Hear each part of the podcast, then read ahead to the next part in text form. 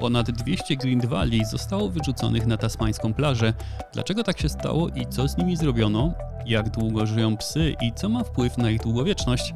Arkadiusz Polak, dzień dobry. Dziś opowiem Wam także o tym, jaki wpływ na długość i jakość snu ma bieda oraz które warzywa spożywane przez mamy w ciąży smakują nienarodzonym jeszcze dzieciom i co z tego wynika dla późniejszych preferencji smakowych. Jeśli dzisiejszy odcinek Wam posmakuje, to udostępnijcie go proszę dalej i subskrybujcie podcast gdziekolwiek go słuchacie, aby nie przegapić kolejnych odcinków.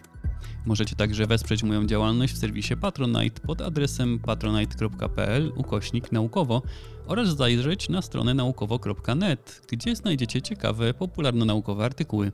Zaczynamy środowy odcinek. Różne są nasze preferencje smakowe. Jedni kochają szpinak, ale nienawidzą bananów, a inni z miłością spoglądają na kaszankę, gardząc smakiem brokułów. I nic dziwnego, poczucie smaku to sprawa niezwykle indywidualna, podobnie jak z zapachami, które lubimy. Na przykład wielu ludzi uważa zapach benzyny za atrakcyjny. Ludzka przygoda ze smakiem i zapachami rozpoczyna się bardzo wcześnie. Kubki smakowe zaczynają się wykształcać w ósmym tygodniu ciąży, aby od 14 tygodnia móc już wykrywać substancje smakowe. Nos jest otwarty i wyczuwa cząsteczki zapachowe od 24 tygodnia ciąży, przekazywane w płynie owodniowym, co potwierdzają dotychczasowe badania. Na przykład, gdy matka w ostatnim miesiącu ciąży zjadła co najmniej 4 posiłki tygodniowo, które zawierały czosnek, to noworodki badane w ciągu 28 godzin od urodzenia nie wykazywały negatywnych reakcji na zapach czosku, w przeciwieństwie do krzywiących się dzieci, których mama czosku nie spożywała. Podobnie było przy badaniach nad charakterystycznym zapachem anyżu, ale sprawdzono też reakcje na smak marchwi. Gdy mamy wypijały w ostatnim trymestrze ciąży sok z marchwi, to później ich pociechy w wieku 5-6 miesięcy wykazywały mniej negatywnych wyrazów twarzy w stosunku do płatków o smaku marchwi niż zwykłych płatków. Te badania zdawały się potwierdzać hipotezę, że smaki i zapachy doświadczane na etapie płodu mają wpływ na późniejsze ich postrzeganie już po urodzeniu i ma to głębszy sens. Płyn owodniowy jest przecież nie tylko ochroną i pośrednikiem w wymianie substancji odżywczych, stanowi też miejsce nauki i poprzez zapoznawanie płodu z pewnymi informacjami pozwala przystosować je do środowiska, z jakim zetkną się po urodzeniu. Anegdotycznym dowodem może być zdanie kobiet w ciąży, które twierdzą, że dzieci reagują w różny sposób na spożyty pokarm już w kilka minut po posiłku. Ale badania nad smakiem i zapachem miały do tej pory jedną wadę odbywały się po urodzeniu. Nowa praca wykorzystuje ultrasonografię i badanie reakcji płodu na to, co przed chwilą zjadła ich mama.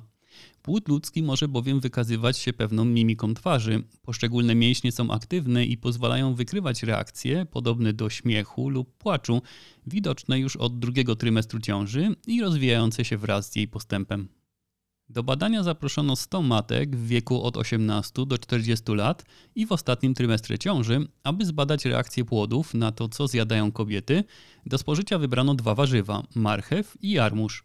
Tę pierwszą, ponieważ jej smak opisywany jest przez ludzi jako słodki lub owocowy, prawdopodobnie za sprawą terpenoidów obecnych w marchwi, np. beta-karotenu.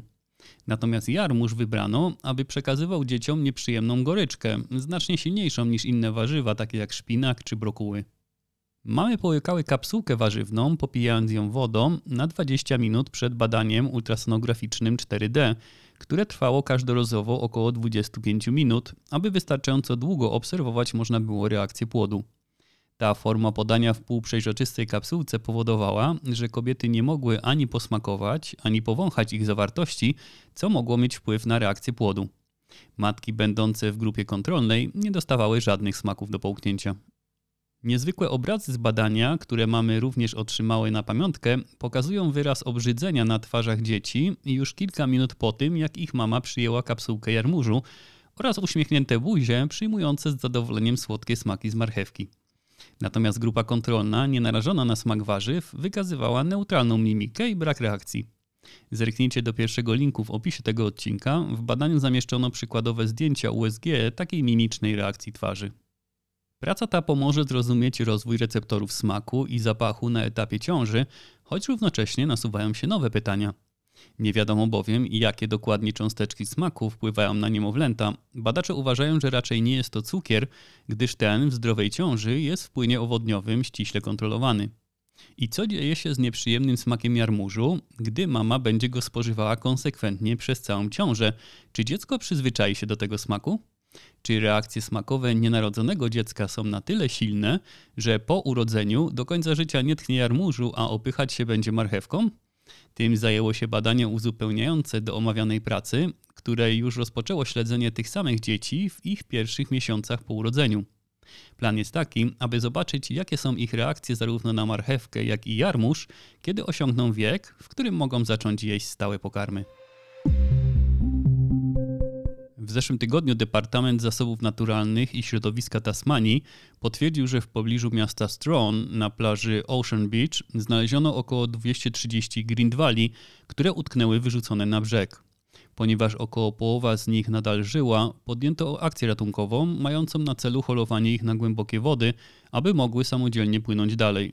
Niestety udało się uratować tylko 32 osobniki, co biorąc pod uwagę rozmiary zwierząt i tak jest sukcesem ludzi próbujących im pomóc. Te olbrzymie ssaki należą do rodziny delfinowatych, choć często mylone są z wielorybami i żyją w wodach oceanów zarówno tropikalnych, jak i arktycznych. Samce ważą do 3,5 tony, a ich długość przekracza 7 metrów. Możecie sobie wyobrazić, że niełatwo jest takie zwierzę zepchnąć z piaszczystej plaży odpowiednio daleko w ocean, stąd zdecydowana większość osobników niestety umiera.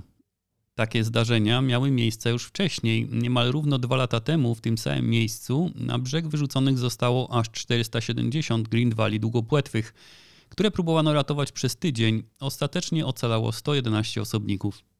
W 2017 roku w Nowej Zelandii w ciągu dwóch dni na brzeg wyrzuconych zostało 640 wielorybów, z czego tylko około setki udało się ocalić.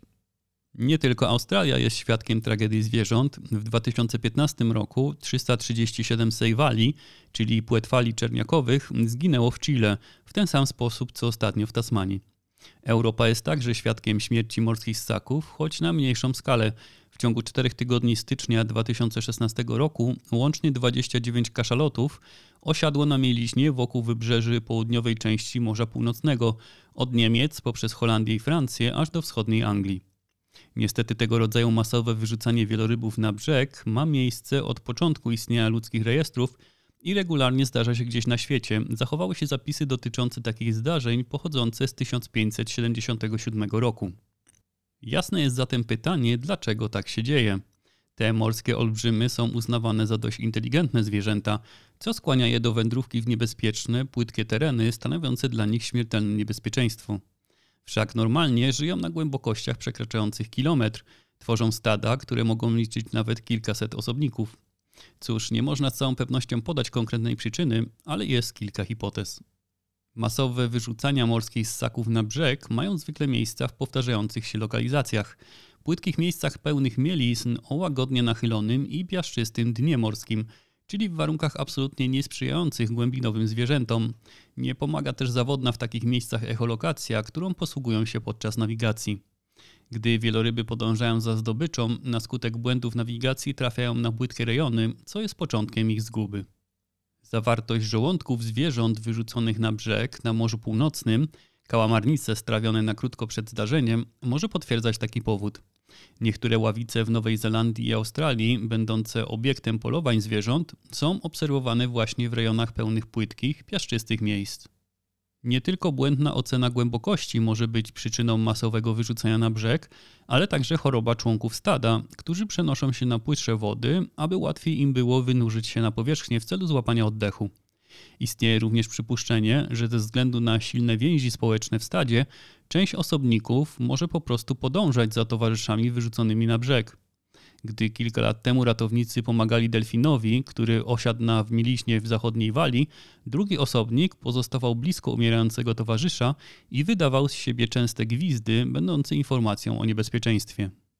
Do takich wydarzeń przyczynić się może też człowiek – w 2000 roku na Bahamach marynarka wojenna przeprowadzała ćwiczenia z użyciem sonaru średniej częstotliwości, co spowodowało masowe wyrzucenie na brzeg 17 osobników, których potem zbadano. U części z nich odkryto krwawienie w okolicy oczu i uszu, co wskazywało na uraz akustyczny, a powstała w wyniku urazów dezorientacja spowodowała śmierć na mieliźnie siedmiu osobników. W innych takich przypadkach zauważono również oznaki choroby dekompresyjnej, ponieważ sonar morski, używany do wykrywania łodzi podwodnych, może wywoływać u wielorybów zachowania, które zakłócają ich zdolność do zarządzania gazami wewnątrz ciała, wpływając przez to na ich zdolność do bezpiecznego nurkowania i wynurzania się na powierzchnię. W 2005 roku Rada Obrony Zasobów Naturalnych złożyła nawet pozew sądowy przeciwko marynarce wojennej Stanów Zjednoczonych, twierdząc, że US Navy przeprowadziła ćwiczenia z użyciem sonaru z naruszeniem szeregów przepisów o ochronie środowiska. Proces toczył się w wielu instancjach przez kilka lat i ostatecznie trafił do Sądu Najwyższego, który orzekł w 2008 roku, że bezpieczeństwo floty i możliwość wykrywania wrogich okrętów jest ważniejsze niż potencjalne szkody dla środowiska i obrażenia wśród zwierząt. Bez względu na powód takich wydarzeń generują one jeszcze jeden problem – co robić z setkami ciał zmarłych morskich gigantów wyrzuconych na plażę, które w dodatku mogą spontanicznie eksplodować, gdy wybuchnie metan gromadzący się w efekcie rozkładu wnętrzności. Potwierdzą to mieszkańcy tajwańskiego miasta Tainan w 2004 roku. Taka eksplozja pokryła jedną z ulic krwią i wnętrznościami zmarłego wieloryba. Aby zapobiec biologicznemu skażeniu lub rozwojowi chorób, można takie tusze zmarłych zwierząt zakopywać, ale na Tasmanii postanowiono odholować je na głęboki ocean. Tam staną się pożywieniem dla innych gatunków, które żywiąc się padliną, szybko pozbędą się setek ciał Grindwali. Te, które opadną na dno, mogą stanowić znakomitą pożywkę dla wielu gatunków zamieszkujących jałowe miejsca głębokiego oceanu, także dla chemoautotrofów, czyli bakterii wykorzystujących energię chemiczną pozyskaną z metanu, wytwarzanego przez gnijące ciała zmarłych ssaków. Zmarłe zwierzęta trafią więc z powrotem do swojego naturalnego środowiska, a pogrzebu dokona sama przyroda. Zmniejszanie poziomów biedy jest jednym z największych wyzwań, jakie stoją przed wieloma społeczeństwami, nie tylko w Polsce, gdzie stopa skrajnego ubóstwa wyniosła w 2021 roku 4,2%. Według danych GUS-u jest to taki poziom biedy, który utrudnia przeżycie i stanowi zagrożenie dla psychofizycznego rozwoju człowieka. Temat biedy jest skomplikowany i wielowymiarowy, dotyczy nie tylko finansów i poziomów życia, ale także bardziej ogólnie gospodarek krajów, demografii, ruchów migracyjnych czy wielu aspektów społecznych. Nowe badanie wskazuje, że bieda może dotyczyć także ludzkiego snu który jest sprawą bardzo indywidualną. Zarówno długość snu, jak i optymalne jego pory są zróżnicowane. Bardzo ogólnie ujmując temat, przyjmuje się, że 7 godzin snu to ilość optymalna do odnoszenia korzyści, jakie sen ze sobą niesie dla organizmu człowieka. Ale długość snu to jedno, a jego jakość to zupełnie inna kwestia. Jak pokazuje omawiana praca, bardziej istotna niż czas jego trwania. Ubodzy mieszkańcy miast w krajach rozwijających się nie tylko mają niedobory snu, ale także jego jakość jest niska. Częstym widokiem w Indiach są ludzie śpiący w swoich rikszach lub w pomieszczeniach, w których żyje kilka osób. W dużych miastach wypełnianych ludnością panuje hałas, a gorący klimat i masa komarów dokładają się do obniżenia jakości snu. Badanie przeprowadzono na 452 mieszkańcach indyjskiego miasta Chennai i miało charakter terenowy, co już odróżnia je od wielu innych eksperymentów nad snem przeprowadzonych w warunkach laboratoryjnych. Badanych zatrudniono na jeden miesiąc do pracy przy wprowadzaniu danych w elastycznych godzinach, co pozwoliło naukowcom dokładnie zmierzyć wpływ snu na wydajność i zarobki pracowników, a także fizyczne i psychiczne samopoczucie. Uczestnicy badania zostali wyposażeni w akty grafy, czyli małe urządzenia wielkości zegarka, które przez całą dobę monitorują aktywność użytkownika, rejestrując także jego sen czy drzemki w ciągu dnia. Badani monitorowani byli przez miesiąc. Niektórzy z nich przed badaniem dostali wskazówki, jak poprawić jakość swojego snu. Część motywowano finansowo, aby spali więcej, a jeszcze innym zalecono półgodzinne drzemki w ciągu dnia. Wyniki badania wskazały, że osoby o niskich dochodach śpią średnio tylko 5,5 godziny na dobę. I wcale nie dlatego, że nie próbują, po prostu ich sen jest bardzo zakłócony. Badanie odnotowało, że średnio w ciągu nocy budzą się 31 razy. Takie poziomy efektywności snu są w krajach rozwiniętych uznawane za wynikające z zaburzeń takich jak bezsenność czy bezdech senny. W trakcie badania udało się wydłużyć czas trwania snu średnio 27 minut każdej nocy, ale aby tak się stało, uczestnicy musieli leżeć w łóżku przez dodatkowe 38 minut. To wydłużenie czasu snu nie miało wpływu na jego jakość, ilość przebudzeń nie zmniejszyła się, sen nadal był mocno rozdrobniony. Co zaskakujące nawet dla samych badaczy, więcej snu w nocy nie poprawiło żadnego z obserwowanych aspektów wydajności pracy, zarobków, wyborów finansowych, poczucia dobrobytu ani nawet ciśnienia krwi. Jedyny wpływ dłuższego snu to obniżenie liczby godzin, jaką przepracowali badani w ciągu dnia. Więcej czasu w łóżku to mniej czasu na inne czynności, także te zarobkowe. Co innego, gdy wzięto pod lupę półgodzinne drzemki w ciągu dnia, wygląda na to, że pomagają one w produktywności i zapewniają lepsze samopoczucie. Badacze zauważyli także pewne dowody na finansowe oszczędności wynikające z drzemek. Niestety, jeśli pracownicy drzemią przez około pół godziny, ich przepracowane godziny spadają o prawie pół godziny, niemal w stosunku 1 do 1, a w rezultacie zarobki ludzi w tej grupie są niższe. Wszak ludzie mają inne rzeczy do roboty w życiu niż praca i przespane pół godziny w biurze nie spowoduje, że zostaną dłużej w pracy. Badanie pokazuje też, że zwiększenie jakości snu jest dużo trudniejsze niż wydłużenie czasu jego trwania.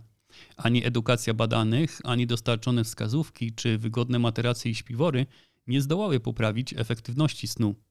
Ale pozytywne skutki drzemki mogły wynikać właśnie z tego, że badani spali wówczas w biurze w warunkach bardziej komfortowych niż podczas nocnego odpoczynku, co podniosło jakość półgodzinnego tylko okresu snu. Z badania wynika zatem, że samo wydłużenie czasu snu nie przynosi korzyści takich, jak dostarcza poprawienie jego jakości ale jego autorzy zwracają też uwagę na ważny czynnik wyjście z badaniami nad snem z laboratorium do normalnego środowiska i przeprowadzenie takich eksperymentów podczas normalnego funkcjonowania ludzi. Oraz wskazują na potrzebę kontynuowania takich badań, na przykład poprzez zmianę warunków, w jakich śpią pracownicy o niskich dochodach, aby sprawdzić, czy lepsza jakość snu, a nie tylko zwiększona jego ilość, robi jakąś różnicę. Warto byłoby też przeprowadzić podobne badania w krajach bogatych, gdzie ludzie częściej mogą pozwolić sobie na spokojny sen w komfortowych warunkach. Jak długo żyją psy? Odpowiedź na to pozornie proste pytanie może służyć właścicielom czworonogów za podstawę do realistycznych oczekiwań dotyczących pozostałego okresu życia swoich milusińskich. I wbrew pozorom rozwikłanie tej zagadki nie jest ani proste, ani jednoznaczne, a zacząć trzeba od określenia, czym w ogóle jest wiek u psa. Popularne twierdzenie, że jeden rok dla człowieka równa się siedmiu latom dla psa, nie jest poparte współczesnymi badaniami weterynaryjnymi. Zasada wydaje się być bardziej złożona. Pierwszy rok życia psa doprowadza go do poziomu fizycznej dojrzałości 15-letniego człowieka, drugi rok dodaje kolejne 9 lat, a po tym czasie tempo starzenia się jest bardzo zróżnicowane w zależności od kilku czynników.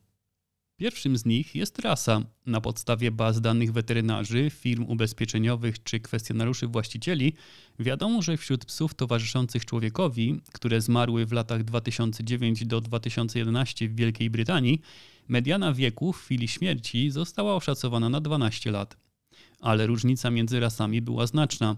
Mediana wieku dogów z Bordeaux to tylko 5,5 roku, podczas gdy dla pudla miniaturowego wynosiła 14,2 lat.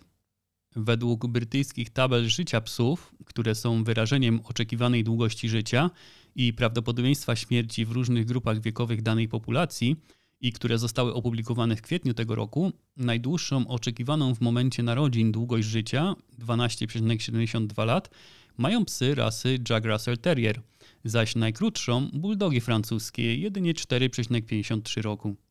Kolejnym czynnikiem kształtującym długość życia psa jest miejsce, w którym pies żyje. Z wielu powodów, zarówno natury genetycznej, jak i zdrowotnej, średnia długość życia i profile śmiertelności poszczególnych ras mogą różnić się w krajowych populacjach psów. I tak labradory z Japonii żyją średnio 14,1 lat, te z Wielkiej Brytanii 12,5 lat, a w Danii średnio 10,5 lat. Przewidywana w chwili urodzin długość życia samic była też wyższa niż samców, ale zjawisko to było powodowane kastracją zwierząt. Badacze tłumaczą to wpływem kastracji na ograniczenie niektórych chorób, a także tym, że kastrację uważa się często za zabieg, który świadczy o odpowiedzialności właścicieli i lepszym dbaniu o kondycję zwierząt, co przekłada się na ich długość życia. Ale nieco zaskakującą cechą, która ma wpływ na długość życia psa, jest jego wielkość. Małe psy wydają się żyć dłużej niż te większe, co jest o tyle dziwne, że w przyrodzie na ogół jest odwrotnie. Długowieczne, wielkie słonie, żyjące kilkadziesiąt lat, stoją w opozycji do myszy, która ma tylko rok lub dwa na przeżycie swojego istnienia. Dlaczego zatem u psów jest inaczej, to zagadka. Wiadomo, że powodów jest wiele.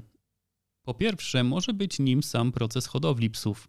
W przytoczonym badaniu stwierdzono bowiem, że rasy o płaskich twarzach, a to z reguły małe psy, mają znacznie niższą średnią długość życia ze względu na problemy z oddychaniem, choroby i trudności z porodem.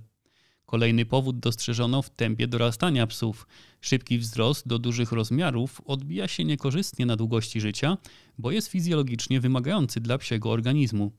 Szybki rozwój dużych psów jest powiązany z większym prawdopodobieństwem nieprawidłowego wzrostu komórek i wystąpieniem raka.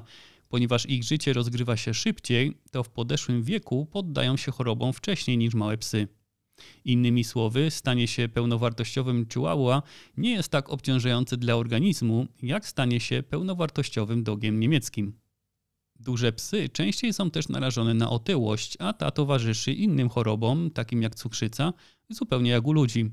I podobnie jak u ludzi, styl życia też ma wpływ na długowieczność, a małe psy kanapowe mogą mieć większy komfort psychiczny, będąc przez właścicieli częściej rozpieszczanymi, ale tu nie ma badań, które by to potwierdzały. Odpowiedzi na pytania dotyczące długowieczności czworonogów mogą być przydatne nie tylko dla weterynarzy czy dla wszystkich właścicieli zwierząt, którzy w końcu nierzadko traktują psy jak członków rodziny, ale także dla ludzi, którzy w sposób świadomy i odpowiedzialny planują posiadanie psiego towarzysza. A ja planuję już tematy na kolejny odcinek pełny naukowych nowości. Zapraszam w sobotę. Dziękuję za Waszą uwagę, miłego dnia, do usłyszenia.